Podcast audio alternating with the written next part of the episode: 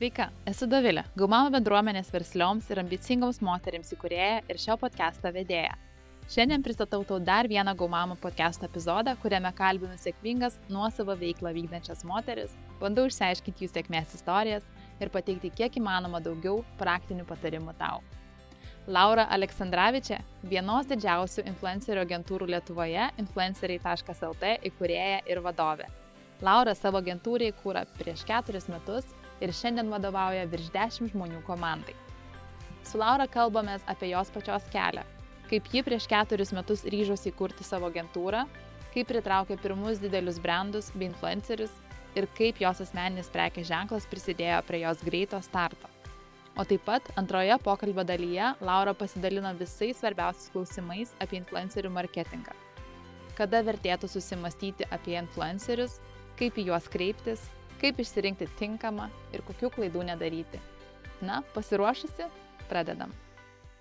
Sveika, Laura. Šiandien labai nekantrauju su tavim pasišnekėti apie tą a, daugumai a, įdomų dalyką, tai influencerių marketingą, nes turbūt pasakysiu, jog tik, ir tikrai nesumeluosiu, kad kiekvienas verslas yra pagalvojęs apie influencerių marketingą kaip jau tą kitą žingsnį ar gal net pagrindinį žingsnį, kaip pasiekti didesnę auditoriją. Tai Laura, pasako, kas tu tokia esi ir kodėl miniu šitą influencerių marketingą kalbėdama su tavimi. Tai labas visiems, labai visų pirma, ačiū, kad pakvietei mane, tikrai smagu uh, kalbėtis su, su veikliomis, versliomis moterimis ir aš esu Influencer LT agentūros įkūrėja, ją įkūriau 2018 m. sausį, tai va agentūra skaičiuoja jau ketvirtus metus, bet šiaip pati su influencerių marketingu dirbu jau šešerius metus. Tai tada, kai pradėjau, dirbau Adidas Reebok marketingo vadovė Lietuvai ir tiesą pasakius, tuo laiku mes jų influenceriais net nevadinom. Mes juos vadinam įvairiai esetais, key opinion leaders, bet tikrai tokio žodžio ir tokios savokos dar nevartojame. Na ir tuo metu tiesiog supratau, kad tai bus ateitis, nes visos iš Amerikos, iš Azijos plaukiančios tendencijos rodė, kad vis daugiau prekių ženklų įtraukia influencerius į savo strategiją. Ir žinoma, tai labiausiai turbūt pradėjo dideli prekių ženklai, arba bent jau apie tai mus pasiekdavo uh, E, informaciją, bet pati dirbdama e, prekės ženklo vadovė supratau, kad Lietuvoje na, nelabai kas e, dar siūlo kol kas, tiesą pasakius, tokių kokybiškų, gilių, žiniomis pagristų influencerių paslaugų. Ir dar sėdėdama vienoje Didas konferencijoje turiu tokią labai fainą istoriją, kurią pasakoju ir savo komandai. Tiesiog vakare, po, po vakarienės su kolegomis išėjau į lauką prisėdau ar ant soliuko, ar ant e, bordiūro, liaudiškai tariant, ir užrašiau tokią viziją, e, kokia aš norėčiau, kad būtų vat, e, specializuota agentūra. Ir tiesą pasakius, tas mūsų pozicionavimas, tos galbūt netgi vertybės ir veikla šiai dienai vis dar tebėra gyvos ir mes jomis gyvename. Tai vat, tokia dar tiesą pasakius, dirbant visai kitame darbe, gimusi vizija, per gerą pusmetį mane atvedė iki to, kad atidariau įmonę, kuri jau sėkmingai gyvuoja keturis metus. Tai labai sveikinu iš tikrųjų ir e, labai faina, kad pasidalinai apie tai, kaip tu iš tikrųjų sumanifestavai, galima sakyti, ne, šią agentūrą, tas vertybės ir aš pati labai tuo tikiu, kad uh, viskas yra mūsų mintise ir jeigu mes tikim, pasitikim savimi, tai mes ir tai pasieksim, ką mes norim. Tai um, ar tuo metu Lietuvoje prieš keturis metus jau buvo panašių agentūrų, ar tu labiau žiūrėjai, matai užsienio pavyzdžius ir iš jų sėmėsi tų idėjų ir kaip apskritai atrodė tas kelias, kad įkurti mhm. agentūrą. Tai yra vienas sugalvoti, o kitas visi žingsniukai, kurie seka po to. Taip. Tiesą pasakius, kai sugalvojau tą idėją, ne, pernelyg nesidomėjau netgi, kas tuo metu vyksta Lietuvoje, arba bent jau pati dirbdama marketingo srityje. Tiesiog žinojau daug agentūrų, bet nežinojau tokios, kuris specializuotai dirbtų su influenceriais, nes pati tokių ieškojau. dirbdama e, įmonėje Didas, tai Tokia agentūra panaši galbūt buvo, bet jinai buvo daugiau vadinama, jeigu taip terminais, talentų agentūra. Agentūra, kuri atstovauja tiesiog žinomus žmonės, Ir, ir tą idėją taip pat jie buvo parsivežę kažkur iš užsienio, bet jie neteikė prekių ženklams reklamos paslaugų iš esmės. Jie labiau buvo kaip tokie vadybininkai, produceriai žinomų žvaigždžių ir juos pardavinėjo na, prekių ženklams. Tai tokios užuomasgos tikrai jau buvo, negal, todėl net negalėčiau sakyti, kad mes buvom pirmieji bet tokie, kurie pradėjo teikti būtent specializuotas reklamos paslaugas, tai yra kampanijų kūrimą, ambasadorių programų kūrimą, apskritai tokius analizę prekės ženklų ir kokių jiem influencerių reikėtų, tai tikrai tą pradėjom daryti pirmi. Ir tas kelias, na, jis buvo ir sudėtingas, ir tuo pačiu lengvas. A, dabar taip bandant prisiminti, tai aš pradėjau viską viena, tiesą pasakius tuo metu e, dar net neturėjau jokios agentūrinės patirties. Pati agentūroje niekada nebuvau dirbusi dirbdavau tik su agentūromis. Bet šiai dienai aš visai matau tai kaip pliusą kadangi aš visą laiką žinojau iš kliento pusės o kokie yra kliento lūkesčiai ko tikisi klientas. Tai taip ir stengiausi dėlioti ir mūsų paslaugų ir krepšelį ir ir tą pozicionavimą nu sakyčiau pagrindas į ką susitelkiau pirmąjį pusmetį tai buvo būtent švietimas ir edukacija.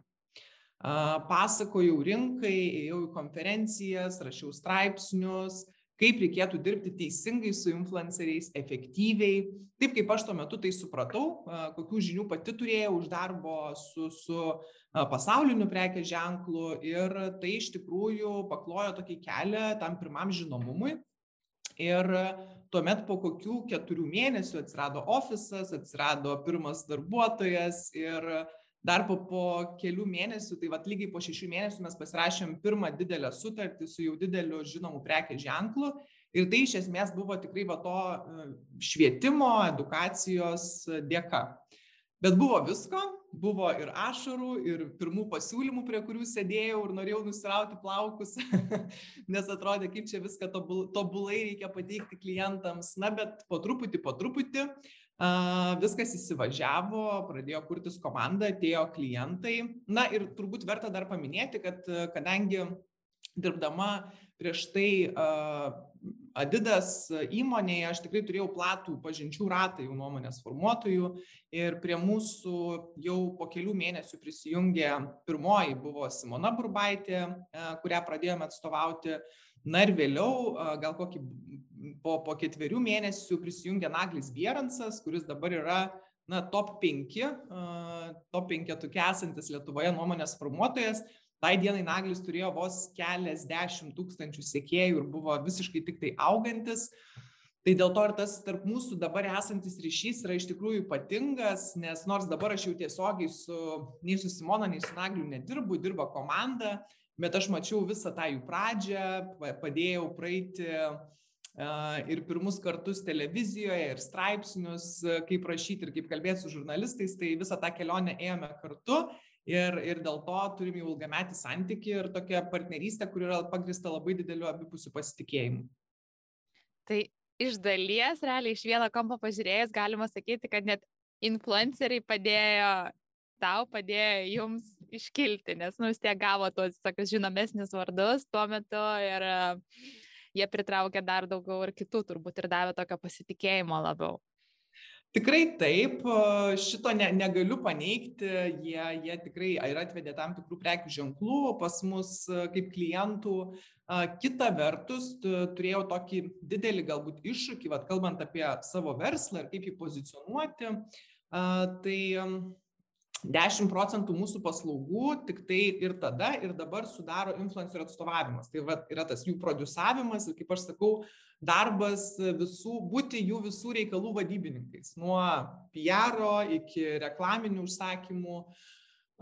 Tačiau mano vizija kurią aš va tada ir užsirašiau sėdėdama ant suoliuko buvo tokia kad mes dirbsime būtent su prekių ženklais. Kad mūsų klientas tai bus ne fizinis asmuo ne influenceris bet brendai kuriem mes parduosime influencerius ir parduosime reklaminius sprendimus dėl to kai pradėjome vat atstovauti tokius žinomus veidus buvo pakankamai sunku išlaikyti tą mano viziją ir labai reikėjo daug atskyrinėti kad na žiūrėkit taip mes atstovaujam influencerius bet vis dėlto mūsų pagrindinė veikla yra kurti sprendimus su visais influenceriais, nepriklausomai nuo to, ar mes juos atstovaujam ar ne.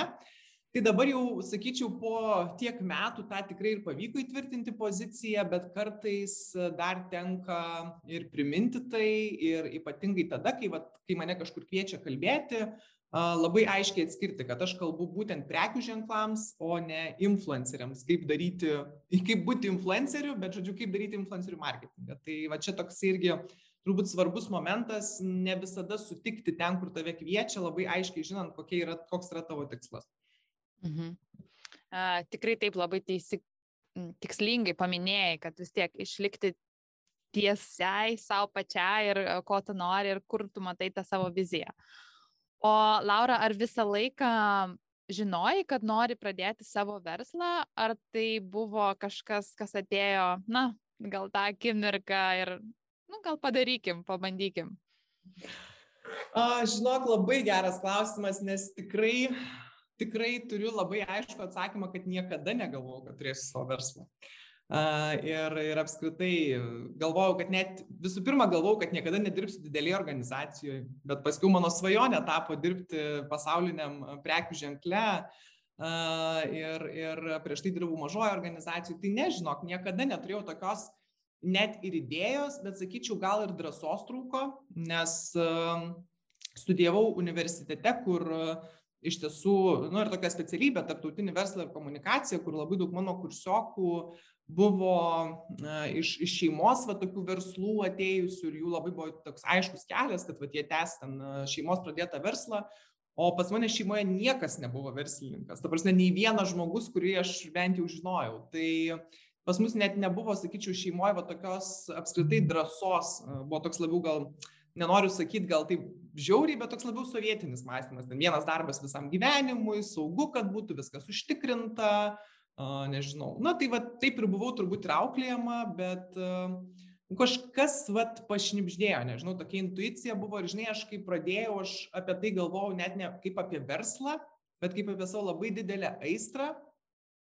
kur aš žinojau, kad, na, va, aš tiesiog noriu teisingai daryti influencerių marketingą ir padėti kitiems. Tai neįsivaizdavau, į ką tai išvirs. Dabar, va, po ketverių metų aš jau turiu dešimties žmonių komandą, kas specializuotai agentūrai Lietuvoje yra tikrai didelis skaičius, nes na, šiaip vidutiniškai agentūros turi apie 40 žmonių, jeigu tokios didelės jau. Uh, tai va, ir ta, ir ta komanda dar auga, tai tiesą pasakius, uh, man tai buvo visapusiškai didelis iššūkis ir labiausiai tai buvo per tokią atsakomybės prizmę kad tu supranti, kad viskas priklauso nuo tavęs. Visa tavo, nežinau, kad tu po viskuo dedi parašą kad kiekvienas tavo sprendimas yra atsiliepia tavo įmonės ar vėliau komandos ten sėkmiai, nesėkmiai, finansinė atsakomybė e, ir šiaip tokia, na, labai, dar plus mano turbūt verslas toks, na, labai viešas. Tu neišvengiamai bendrauji su žinomai žmonėm, tu, uh, tu pats sukiesi kažkur žurnalistų tarp, ar ne, tai dėl to irgi ta tokia gal net nesakyčiau, kad viešumo baime, aš jo niekada nebijojau ir visą laiką puikiai sekėsi kalbėti ir, ir konferencijose ir panašiai, bet tiesiog tu supranti, kad o jeigu nepavyks, nu tai visi sužinos. tai va, tai tikrai tokių visokių teko praeiti ir vis dar turbūt einu tam tikrus tokius vidinius gal iššūkius, su kuriais reikia tvarkytis tiesiog galvoje.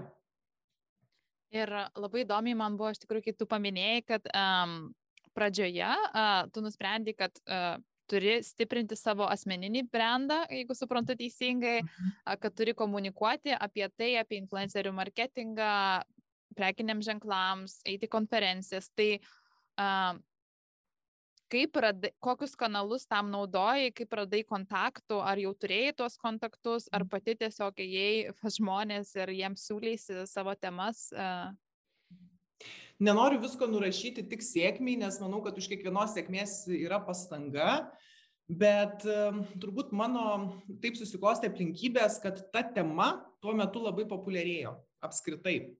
Tiek iš užsienio žiniasklaidos, tiek ir Lietuvoje pradėjo rastis poreikis. Ir žinai, kai būna su tom konferencijom, kad jų organizatoriai visą laiką ieško šviežių veidų ir šviežių temų. Ir e, tiesiog ką aš dariau, tai aš rašiau e, LinkedIn. E. Nu, kas buvo mano iš tiesų tikslinė auditorija, tai, tai verslo, bendruomenė. Ir tai, buvo, ir tai buvo, ir iki šiol tebėra pagrindinis kanalas, nes na, aš labiausiai tikiu, kad dideli prekių ženklai, kas yra mūsų targetas, tai tenai atranda partnerius pirmiausia, ne kituose kanaluose. Tai iš esmės aš parašiau keletą straipsnių, tokių ilgesnių, ir ten mane pastebėjo verslo žinių žurnalistas, išėjo pirmas verslo žinių straipsnis, antras, Na ir tada tiesiog jau prasidėjo tokios, sakykime, užklausos. Tai Aš aišku pati buvau marketingo asociacijoje ne, ne vienerius metus, tai turėjau iš tikrųjų tų ir pažinčių, ir tarp žurnalistų, ir, ir, ir, ir šiaip pat tokių organi, konferencijų organizatorių, bet labiausiai tai tiesiog turbūt lėmė aplinkybės tai, kad, na, aš rašiau, turėjau ką pasisakyti, turėjau stiprią nuomonę, na ir kita vertus buvo poreikis tai temai, Tai dėl to aš tais metais jau dabar nepamenu, bet tada skaičiavau, kiek aš ten kartų kalbėjau ir tai buvo, na, nesuskaičiuojamas, ten, nežinau, 30 kažkiek kartų per metus, kas iš tikrųjų yra e, be galo didelis krūvis ir e, paskui man net reikėjo uh, antrais metais pasimti gerą pertrauką nuo kalbėjimo, nes tiesiog buvau stipriai išsisėmus ir perdegus netgi nuo to. Mhm. Tai, wow, bet tikrai šaunuolė, kad uh, nepalūžai, kad vėl grįžai ir sukūrei tikrai tokią puikią ir komandą, ir įmonę, ir agentūrą. Tai tikrai labai gali didžiuotis e, savimi ir man labai labai smagu šiandien tave kalbinti ir e, apie tai kalbėti. Um, papasakok, o kaip, um, iš kur turėjai drąsos ir kaip pavyko pritraukti tos didžiausius prekinius ženklus, su kuriais pradėjot uh, bendra, bendradarbiauti? suprantu, kad šiandien gal vis tiek ateina jau prekiniai ženklai patys, bet pradžioje tai esi dar nežinomas, na gerai, gal komunikuoji, bet agentūra tik tai prasidėjo, tai iš kur ta drąsa ir apskritai, ar tai buvo šalti skambučiai, e-mailai, kažkokių kontaktų ieškojimas? Mhm. Um, tikiuosi, nenuskambės kažkaip pagirūniškai, bet aš per, mes per visus metus kaip komanda nesam padarę nei vieno šalto pardavimo nesam išsiuntę nei vieno e-mailo kokio nors šalto ar, ar panašiai. Viskas, žinoma, pra, sugrįšiu prie pradžios, bet paskiau tokioj rinkoj kaip mūsų, viskas ateina per darbus, per tavo portfolio, per word of mouth, kai vienas prekės ženklas papasakoja kitam. Tai va, tai neteko niekada kažkaip užsimti to, tokiu aktyviais pardavimais, nesakau, kad dar neteks ateityje, bet uh, pradžioje tiesiog viskas vat ir prasidėjo. Pamenu, kad man parašė mūsų pirmas klientas, vat, pamatęs mūsų verslo žinių straipsnį, mano verslo žinių straipsnį tuo metu ir pasikvietė tiesiog pasikalbėti. Tai be abejo, buvo ir daug jaudulio, ir daug turbūt e, nežinojimo, kaip čia iki galo pristatyti, kaip pasiruošti tą pristatymą, bet buvo labai, kaip ir minėjau, daug aistros ir tikėjimo mano požiūriu į influencerių marketingą, kaip jisai turi būti daromas. Nes iš tiesų Lietuvoje negaliu pasakyti, kad tuo metu tik tai mes vieninteliai dirbom su influencerių marketingu, nes visos viešųjų ryšių agentūros visada dirbo su žinomais žmonėmis. Medija agentūros dirbdavo taip pat su žinomais veidais, pasirinkdamos juos, juos reklamoms, televizijoje ir panašiai. Tai ne mes vieninteliai buvome. Bet um, mes tikėjome, kad, na, PR-inis požiūris į influencerių marketingą nėra teisingas Nes ne veltui tai ir vadinasi marketingu, nes tai yra ne tik tai apie fainą, gražu, patrauklu, patinka, bet tai yra skaičiais pagrista, pagristi pasirinkimai. Tai visada mes stengiamės derinti tą tokį kokybinį požiūrį į influencerių marketingą, tai apie influencerio tematiką, auditoriją, vertybės, jo vizualinį pateikimą ar ne, įvaizdį jo. Bet šalia visą laiką kombinuoti ir skaičius Ne, tiek, jis, ne tik kiek jis turi sėkėjų, bet koks yra jo pasiekiamumas realus, kiek, kiek jis įtraukia savo auditorijos, kiek jisai generuoja ten nuorodos paspaudimų į tinklapius. Tai va, tai šitie dalykai visą laiką ėjo greta ir su tuo tokiu dideliu tikėjimu ir ta tokia aistra, aš reidavau pas klientus ir tuo metu a, tikrai būdavo visokių nedrasių momentų. Pavyzdžiui, pas vieną iš tokių irgi didelių a, klientų ėjau Ir pamenu, manęs klausė, o tai kaip atrodo tavo komanda? Kiek, kiek jūsų yra? Ir aš atsimenu tą tokią vidinę gėdą uh, pasakyti, kad na, mes esame dviesi. Ir visą laiką ieškodavau tokių pasiteisinimų, kad, ai, nu tai čia mes dar turim vėl freelancerių, čia kažkokių pritraukiam. Tai dabar aš jau turbūt kitaip galvočiau, nes ilgainiui supratau, kad na ir nereikia labai didelės komandos tam, kad padarytume daug. Ir kartais, kai e, dabar netgi įmonė sužino, kai mūsų yra dešimt, kiek mūsų yra, jie vis tiek nustemba. Bet aš tiesiog didelę to duoklę atiduodu tam, kad aš esu žmogus atėjęs iš įmonių, kurios turėjo labai aiškius procesus. Tai kartais ir mano nauji komandos nariai nustemba, kad mes tokia maža agentūra, bet tokį didelį dėmesį skiriam savo vidiniams procesams, vidiniam efektyvumui, išdirbti tiek projektus, tiek finansų procesą, tiek kliento aptarnavimo procesą. Ir manau, kad būtent tai mums ir leidžia pakankamai nedideliam skaičiui žmonių valdyti milžiniškus projektus e, ir ne tik Lietuvoje, bet ir visose Baltijos šalise. Tai va, tai, o tie pirmi susitikimai, sugrįšiu dar trumpai prie jų, tai būdavo tikrai va tokių gėdos momentų, kur dabar man atrodo juokinga, bet tada buvo tikrai labai baisu. Daugumai turbūt yra baisu, bet ir smagu išgirsti, kad net ir tiems, va, pažiūrėjau, kaip tau tikrai pasisekė ir uh, šiandien esate didelė, na, pakankamai didelė komanda, bet vis tiek ir tau teko su tuo susidurti. Tai kažkaip vis tiek motivuoja ir įkvepia. Nenuleisti tų rankų ir iškelti galvą pirmyn ir sakyti, aš galiu, aš sugebėsiu. Mhm. O kaip dar šiandien, ar dedate kažkokias pastangas populiarinti savo ženklą, jau mhm. influenceriai LT? Um, manau, kad e, labai dažnai, ypač žmonėm, kurie dirba su komunikacija, galbūt nelabai dažnai, nežinau, bet čia mano tokiu vertinimu, atsitinka taip, kad būni batsiuvys be batų. E, nes, na, mūsų dydžio komandai yra dar pakankamai per daug prabangu pasisamdyti atskirą žmogų, kuris dirbtų tik su komunikacija. Tai mes tokio žmogaus neturime, šitą pareigybę mes dalinamės e, komandoje, yra tokia maža komunikacijos komanda, Dažnai būna taip, kad tiesiog ateina klientai ir tada klientai visą laiką yra prioritetas ir komunikacija kažkaip yra antram plane. Tai mes vis stengiamės prie to sugrįžti ir tai yra mūsų strateginė kryptis, nes tikrai norime palaikyti dvi linijas. E, viena tai didžiuotis ir publikuoti savo atliktus darbus, kas dar mums visai pavyksta, bet kita tai išlaikyti tą švietimo ir edukacijos liniją, kas dažnai nukenčia, nes tam reikia na, pavyzdžiui, straipsnio parašymui išsamaus, su ekspertinėmis išvalgomis, na, tikrai prireikia ne vienos, ne dviejų ir kartais net ne trijų valandų. O tą surasti dienoje žmonėms, projektų vadovams, kurie nors ir turi daug ekspertinių žinių, bet e, dirba nuolat su klientais, yra tikrai sudėtinga. Bet mes e, vis brėžiam savo tikslus, e, nepaliaujam jų siekti ir tikiu, kad vėlgi tų vidinių procesų ir, ir tokių, na netgi įdedant tai į konkretaus žmogaus, projektų vadovo asmeninius tikslus, kurių jis turėtų siekti tais metais, tai tikrai manau, kad mums seksis vis geriau. Kita vertus, kai įsivertinam savo ten mėnesio rezultatus, kiek ten paustų išleidom, koks ten buvo mūsų ryčas, visai patenkinama ta situacija. Gal tik tai tiek, kad mes esam tokie šiek tiek perfekcionistai ir, ir norisi turėti vis daugiau, vis geriau. Uh, tai va, tai, tai sakyčiau, jeigu taip apibendrinant, tai yra labai svarbu palaikyti, neužmigti ant laurų, nes uh, jeigu mes esam, nežinau, išsikėlę tikslą būti pirmaisiais, kurie šneka apie influencerių marketingo naujienas Lietuvoje, tai na, turėtume tą ir įrodyti tikrais darbais, o ne tik tai gražiai žodžiais.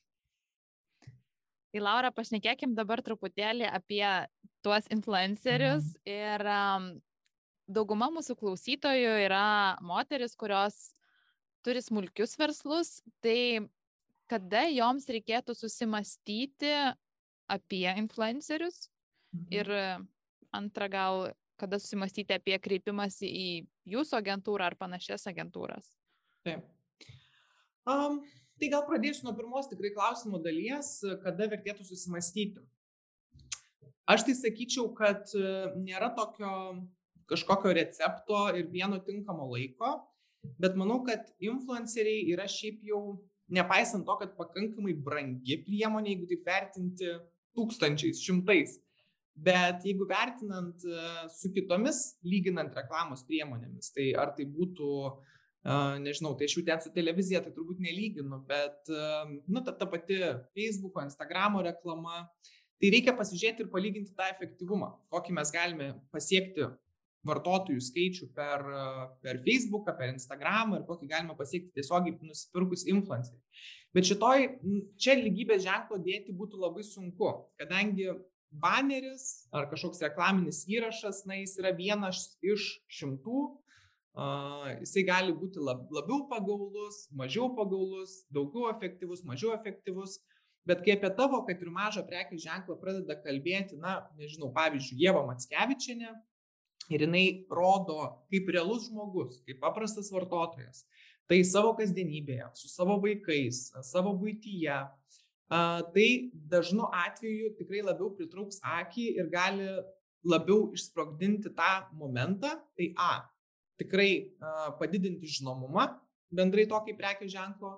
B, aišku, atvesti tiesioginį srautą, pavyzdžiui, elektroninę parduotuvę ar Instagramo paskyrą ir paskatinti pardavimus. Ar um, galiu teikti, kad pirmas toks darbas su influenceriu iš karto atpirks investiciją, gali atpirkti ir išparduoti visą paletę, o gali visai netpirkti. Ir čia iš tikrųjų yra labai daug dedamųjų nuo to, ar pasirinktas influenceris buvo tinkamas. Ar jisai tinkamas gavo gairias, ką jūs norite apie save papasakoti ir gavo tikslės nuorodas, kur, kur pavyzdžiui, turi nueiti vartotojas. Dar grįžtant žingsniu atgal, ar jūs patys buvo, buvote pasiruošę tos vartotojus priimti? Nes kartais influenceris padaro visą tinkamą darbą, bet tada, pavyzdžiui, vartotojas ateina į, pavyzdžiui, tinklapį ir pamato ten prastos kokybės nuotraukas kurios visai neskatina tavęs įsigyti. Arba pamato, kad, nežinau, koks nors yra nepatogus atsiskaitimas. Tai ar influenceris reklamuos jūsų prekės ženklą ar bet kokia kita reklamos priemonė, bet jūs jau patys turite, vis dėlto tas produktas ar ta paslauga, na jinai ir yra tas dalykas, kuris parsiduos arba neparsiduos. Dėl to pasidaryti tinkamus namų darbus, sutvarkyti savo socialinius tinklus, savo elektroninę parduotuvę, na vis dėlto yra pirmas žingsnis. Ir netgi, kai kreipsitės į influencerį, tai irgi bus vienas iš jo vertinimo kriterijų, ar jisai norės jūs reklamuoti ar ne. Nes ypatingai kalbant apie didesnius influencerius, jie tikrai dažniau rinksis, na, bendradarbiauti su nebūtinai žinomais, bet tiesiog, na, kokybiškai save pateikiančiais e, prekių ženklais. O tu pati, ar esi pasiruošusi priimti srautą, kurį atneš influenceris? ar tavo internetinė svetainė padaryta tinkamai ir yra lengvai naudoti, ar išis išsigryninus savo tikslinę auditoriją ir įsidėgusi strategijas, kurios padės jai apie tave priminti, kaip pavyzdžiui, e-mail marketingas. Šie dalykai yra patys pirmieji, kuriuos rekomenduoju išsigryninti visoms gaumama narėms. Tad jei ir tu ieškai kaip, prisijung prie mūsų ir rask aišku planą bei visą lengvai sukramtytą informaciją vienoje vietoje. Apsilankyk gaumama.lt pakreiptas brūkšnelis narystė, sužinok daugiau apie mus ir junkis prie mūsų bendruomenės jau dabar. Ir kada jau mes turėtume pagalvoti, kreiptis į influencerių įmonės, marketingo įmonės, nes tam turbūt spėju reikia kažkokio vis tiek didesnio biudžeto, o kada tiesiog bandyti gal patiems užkalbinti mažesnius mikroinfluencerius. Mhm. Agentūros dažniausiai dirba su didesnės apimties kampanijomis. Tai kas ta didesnės apimties kampanija, tai turbūt galima įvardinti, na, pinigais vienas dalykas, kitas dalykas influencerio apimtimi, nes jums tam, kad jūs pabendrautumėte su vienu, dviem, trim ar net ir penkiais influenceriais, na, nekainuos tiek daug laiko ir pastangų, kiek, na, būtų bendrauti su 10 ar 15 vienu metu.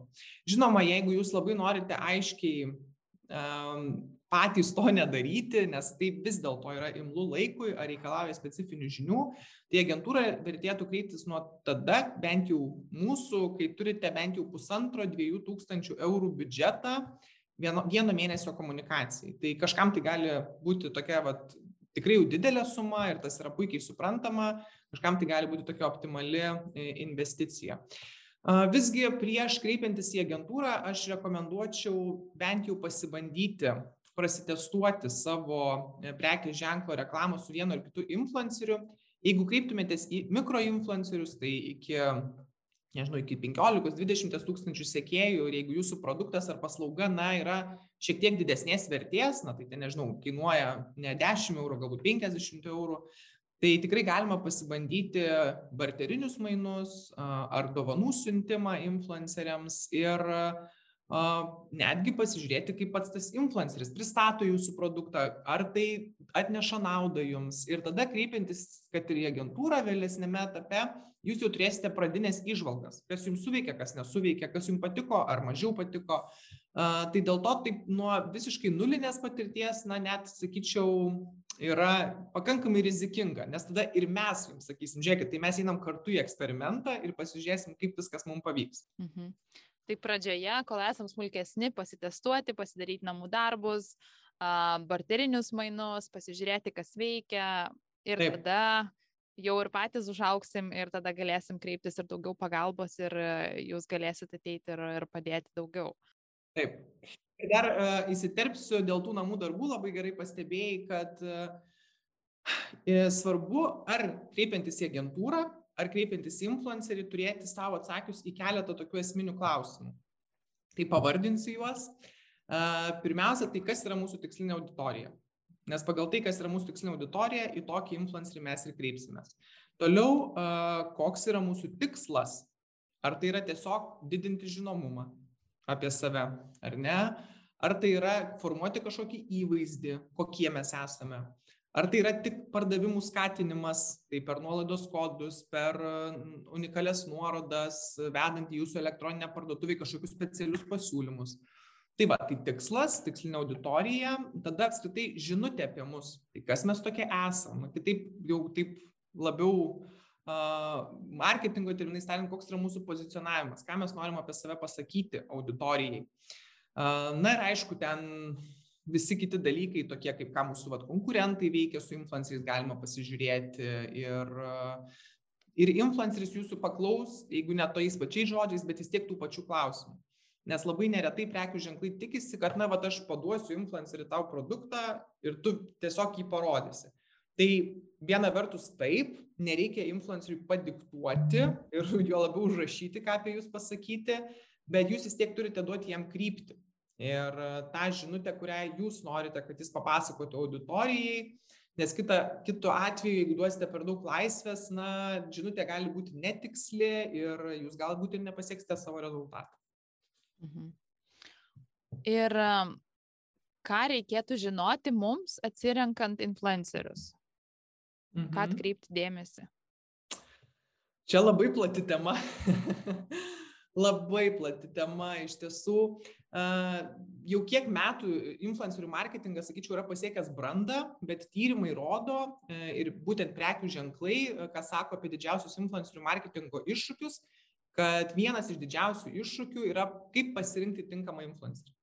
Ir čia yra visas kokteilis įvairiausių kriterijų. E, bet pabandysiu gal nuo tokių bazinių ir, ir jeigu kažkas dar šausi galvą, tai, tai pridėsiu pabaigoje. Tai visų pirma, pradėti reikėtų nuo tokių kokybinių kriterijų. Tai va, jeigu jūs žinote, kad jūsų tikslinė auditorija yra e, mamos, vidutinių pajamų, gal kartais nereikia net ir į tuos demografinius rodiklius kreipti dėmesio, bet labiau, kas svarbu toms mamoms, ko, kokio turinio jos ieško. Nes, na, pavyzdžiui, galbūt jūs pati esate tokia mama sukūrusi tokį verslą ir žinote, ko jūsų tikslinė auditorija nori, tai jums reikėtų ieškoti tokios influencerės, kurios auditorija potencialiai maksimaliai atitinka jūsų prekių ženklo auditoriją. Na, kad ta žinutė, kurią ji paskleis, pasiektų kuo platesnę tą auditoriją, kurią jūs taikotės. Uh, tai čia toks uh, viena vertus gali būti jausminis dalykas, kita vertus tą galima pasižiūrėti ir per tam tikrus influencerio duomenis, kaip ten amžius, iš lytis, iš kurių miestų, bet tam tikri dalykai yra nu, ir pajaučiami iš to komunikacijos tono.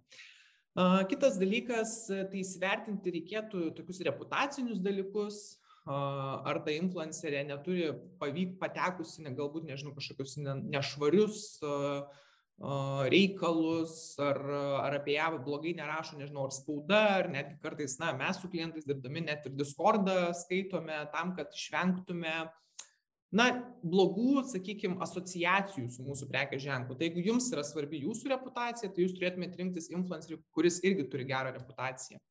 Tada, aišku, reikia pasidaryti tokią kokybinę influencerio profilio analizę. Tai peržiūrėti bent pusės metų jo įrašus, perskaityti, išklausyti, peržiūrėti stories highlightus. Nes jūs turite pajausti, ar jo komunikacijos tonas sutampa su jūsų prekės ženklo komunikacijos tonu. Nes labai neretai būna, kad, na, pavyzdžiui, iš mūsų praktikos turim klientą, kuris pasirenka influencerį būti pusmetį jo ambasadoriumi. Ir tada tas influenceris sukuria turinį ir klientas sako, mm -mm, mums ne, nepatinka tonas, nuotaika. Ir mes klientui sakom, bet žiūrėkit, bet šitas influenceris visada toks yra. Tai reiškia, klientas nepasidarė namų darbų. Ir jisai dabar tikisi, kad influenceris, kai kuria turinį apie tą prekės ženklą, ten kažkaip dirbtinai šipsosis, nustatys kitokį toną, bet bėda tame, kad tai nebebus tas pats influenceris, kurį seka jo auditorija ir auditorijai tai bus neautentiška. Tai va, tai čia tokie kokybiniai, sakykime, kriterijai. Na ir tada tie efektyvumo kriterijai. Nes labai neretai vis dar influencerius brandai renkasi pagal sekėjų skaičių. Bet turiu jūs nuvilti, kad sekėjų skaičius nieko nereiškia. Nes, pavyzdžiui, tas pats influenceris, kuris turi 100 tūkstančių sekėjų arba 10 tūkstančių, nesvarbu, gali pasiekti vienas 90 procentų savo auditorijos, o kitas 10 procentų savo auditorijos. Tikėtina, kad jūs jiems abiems, kaip už sekėjų skaičių, sumokėsite tiek pat, bet efektyvumas skirsis 80 procentų. Tai dėl to reikėtų išsinagrinėti, tiesiog paprašyti influencerių atsiųsti savo pagrindinius rodiklius. Tai ryčą, pasiekiamumą, įsitraukimus, tai engagementą, apskritai, vat, gal kažkokių pavyzdžių iš jo stories, kuris jisai dalinasi nuorodomis, tai kiek žmonių ant tų nuorodų paspaudžia. Ir tai iš tikrųjų yra labai normalus procesas, kur influenceriai jau yra išmokę, kad na, jų rodikliai yra svarbus prekių ženklams ir, ir jie turėtų jais pasidalinti. Jeigu nesidalina su jumis, tai irgi yra tam tikras signalas, o kodėl. Tai gal tai rezultatai yra prasti. Dar vienas kriterijus tai būtų netikri sėkėjai. Tai to patys pasitikrinti taip lengvai be įrankių negalėsite, tam yra skirtos specialios platformos, bet kartais ir nesinaudojant jomis galima tiesiog, pavyzdžiui, praseiti per influencerio komentarus. Jeigu tuose komentaruose matote kažkokių neiškių, užsienietiškų, nerišlių komentarų, kurie net, nesutampa niekaip su turiniu, Arba jeigu paspaudus ant influencerio followers, sėkėjų sąrašo, ten nežinau, kas antras bus koks nors, na vėlgi, nelietuviškas, keistas, tai galite tiesiog, tai jums bus signalas, kad kažkas su to influencerio auditorija nėra gerai. Arba jeigu jo įsitraukimo rodiklis yra labai mažas, ten, pavyzdžiui, mažiau negu vienas. Mes tengiamės dirbti su influenceriais, kurių įsitraukimo rodiklis yra ne mažesnis negu 3 procentai. Tai va, tai tokie, sakykime, pagrindiniai galbūt niuansai, bet e, tas kokteilis tikrai labai tirštas ir ten e, pasirinkimų už prieš yra tikrai labai daug. Mhm. Ir žinau, kad irgi čia e, gana didelė tema, bet plati tema, bet e, gal esi pastebėjęs ar gali pasidalinti keliais pavyzdžiais, kas veikia labiausiai tame marketinge. Tai e, kokio tipo reklamos, ar jeigu mes esam, tarkim, brandas ir vis tiek dažniausiai gal mes ateinam su kažkam gairiam uh, pas influencerį, tai kas pastebi dabar, į ką reikėtų atkreipti dėmesį? Mhm. Ok, um, tikrai, tikrai plati tema. Pradėsiu galbūt turbūt nuo platformų pusės, nuo tokios techninės labiau pusės, kas dabar labiausiai veikia. Tai viena, jum tikrai nereikia vadovautis šablonais, kad būtinai ateinant pas influencerį reikia pirkti kažkokį komplektą, pavyzdžiui, ten postas plus story. Visą laiką reikia pagalvoti apie tikslą. Jeigu jūsų tikslas yra tiesiog nukreipti į savo elektroninę parduotuvę ir tenai pristatyti, kad influenceris pristatytų ir nukreiptų, tai kam jums tas paustas? Paustas nenuves jūsų sekėjų, tiksliau to influencerio sekėjų į jūsų puslapį. Užtenka nusipirkti stories seriją, kur, kur influenceris papasakos apie produktą, įdės nuorodą, Geriausia būtų, kad įdėtų ne vieną kartą, o bent kelis kartus. Tokiu būdu jūsų tikslą atlieps tas formatas. Tai vad nesivadovauti standartais. Kitas dalykas - atsižvelgti tai, kas platformose dabar uh, yra ant bangos ir kas generuoja geriausius rezultatus. Tai pavyzdžiui, šiais metais Instagramas, kuris yra pagrindinė ir didžiausia influencerių marketingo priemonė, nuo kurios rekomenduočiau startuoti, e, paskelbė, kad jie nuo šiol yra nebe nuotraukų dalymosi, o video platforma. Tai dėl to renkantis, pavyzdžiui, pausto variantą, įrašo variantą, rekomenduočiau rinktis video, ne nuotrauką. Nes e, tiesiog pats algoritmas dabar sukonstruotas taip, kad e, video paskleistų daug plačiau ir jeigu, pavyzdžiui, vidutiniškai paustas kaip nuotrauka pasiekia apie 50 procentų influencerių auditorijos, tai su video įrašais mes stebime ir 80, ir 100, ir 120 ir daugiau netgi procentų ištransliuojamo turinio, kadangi, na, gyvename tokiais laikais, kai norime dinamiško, greitai vartojamo turinio ir ypatingai va tos karantininės TikToko tendencijos parodė, kad vartotojai yra labiau įsitraukiantis į, į, į video turinį ir platformos sekdamos tą vartotojų tendenciją be abejo nori tai atliepti.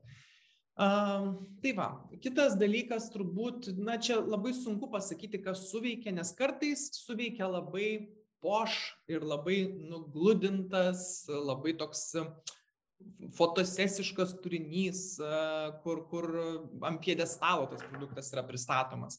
Kita kartą suveikia apskritai super būtiškas, labai nenugludintas, toks tiesiai šviesiai turinys. Tai man atrodo labai svarbu yra tai, kaip jūs patys save norit pristatyti ir kokie būti. Ir tada ieškoti tokio influencerio, kuris geriausiai tai pristatytų. Nes, na, pavyzdžiui, nu, pasirinksiu bet kokią temą, Viena iš tokių populiaresnių, tarkim, yra maisto blogeriai. Tai vad vieni yra tokie, kurie viską pateikia kaip restorane, o kiti pateikia taip, kaip kasdien yra ant mūsų pusryčių stalo.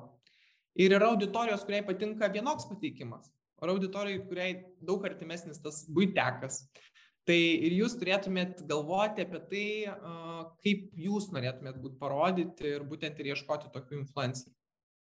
Taip, čia vėl turbūt grįžtam prie tos temos, ką paminėjai, kas man labai strigo, kad pasidaryti tuos namų darbus ir net žinoti, kaip tas žmogus komunikuoja, tai va, tarkim, kaip jisai rodo, ar būtekiškai, ar taip jau kažkaip labiau e, nugludintai, gražiau, su kokiam emocijom jis dažniausiai e, komunikuoja, tai vėl viskas pareina į tą patį turbūt, į tuos pačius ir namų darbus ir žinojimą, kaip mes norim asocijuotis, kad mūsų E, brandas asocijuotųsi ir su kokiais žmonėmis ir kokiamis emocijomis.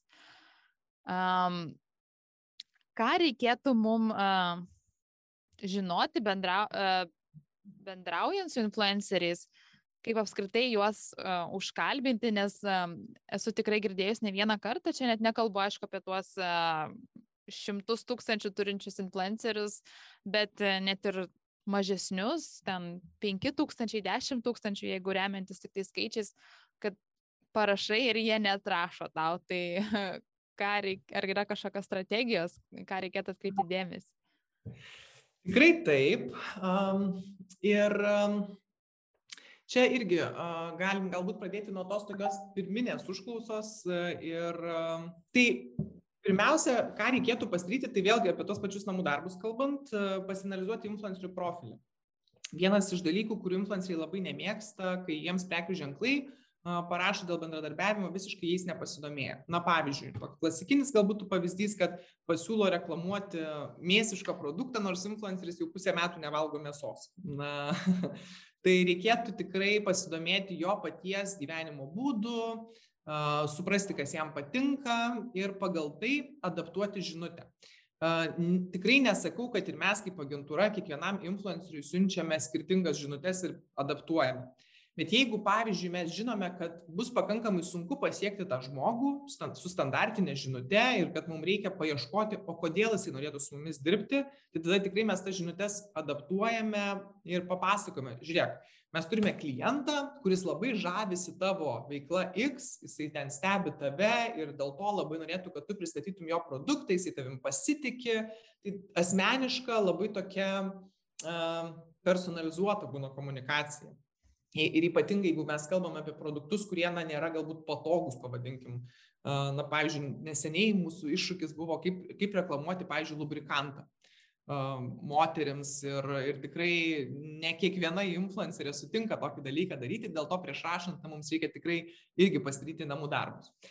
Taip pat reikėtų pagalvoti apie pačias formuluotės ir tie mūsų laiškai influenceriams tikrai nebūna kažkokie trumpi.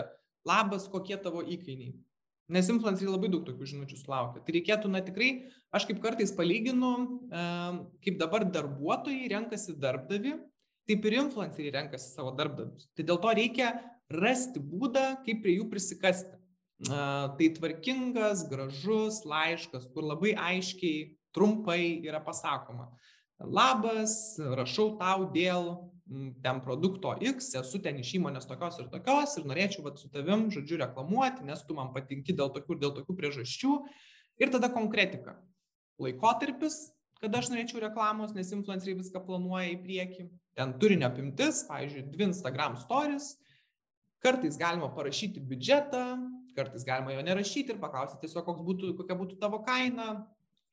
E, tai rekomenduočiau tiesiog klausti, kokią kainą, nes jeigu parašysi ten, nežinau, dešimt kartų mažesnį biudžetą, tai tikrai netrašys.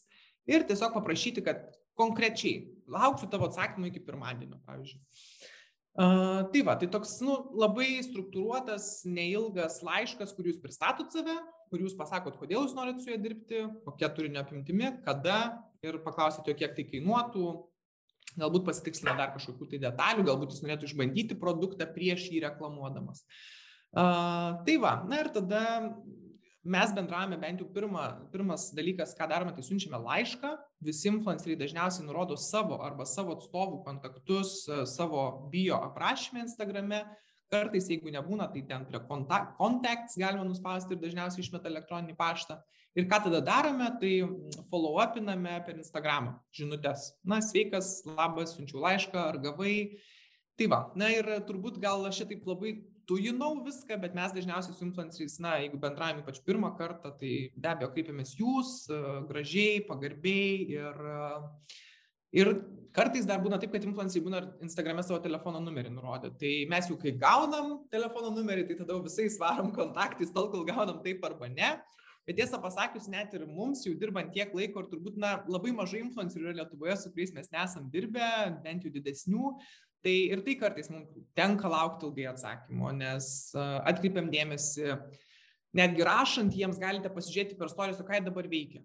Gal jie atostogauja, gal jie serga, gal kažkokia labai bloga diena buvo. Tai net ir pagal tai galima personalizuoti laišką, kad, na, sveikas, laba diena, žinau, kad esate dabar atostogose, tačiau labai mielai kviečiu ten, kai grįžite, peržiūrėti mano laišką. Tai, tai tas irgi parodo influencerių dėmesį, kad jūs juos kreipiatės. Tai kadangi šita reklamos priemonė yra darbas su žmonėmis, tai yra absoliučiai toks influencerių marketingas, bet šiaip tai žmonių marketingas. Tai reikėtų labai per tokią žmogišką prizmę įvertinti, kad na, jūs kreipiatės į tikrą žmogų, kuris irgi turi savo uh, rutiną, savo nuotaikas, savo iššūkius gyvenimo, tai reikėtų, na, pagalvoti, kaip, kaip prie jo prieiti taip, kad jis jūs pastebėtų.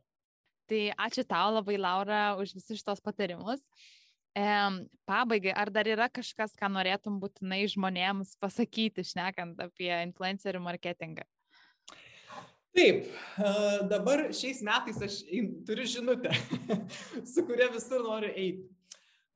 Labai dažnai mes influencerius plakame už jų nelojalumą, už jų darbo etikos kažkokiu tai galbūt nesilaikymą, ar už tai, kad jie ten baltojo katino svetainė, ar, ar skelbimų lenta. Tai nėra taip, kad aš nesutikčiau ir nors turėčiau būti influencerių marketingo advokatė ir sakyti viską tik gerai, bet tikrai viskas nėra gerai. Ir aš tikrai svajoju vieną dieną atsikelti pasaulyje, kur influenceriams darbo etika tai yra norma ir higiena. Šiai dienai taip nėra. Bet mano žinutė būtų tokia, kad viskas, kas turi paklausą, turi ir pasiūlą. Tai dėl to man atrodo, kad prekių ženklai, būdami darbdaviais influencerių tam tikrą prasme, irgi turi palaikyti tam tikrą kartelę, lygį. Ir, na, jeigu jūs matote, kad tas influenceris yra skelbimų lenta, tai kodėl jūs jį renkatės? Arba jeigu matote, kad jisai vieną dieną reklamuoja iPhone'ą, kitą dieną Samsungą, tai kodėl jūs jį renkatės? Tai man atrodo, kad labai viskas prasideda ir nuo užsakovo, todėl linkiu visiems rinktis pamatuotai, apgalvotai ir ilgalaikiškai. Nes šalia savęs, šalia savo prekės ženklų jūs pastatote žmogų, kuris bus su jumis asocijuojamas bent jau kurį laiką.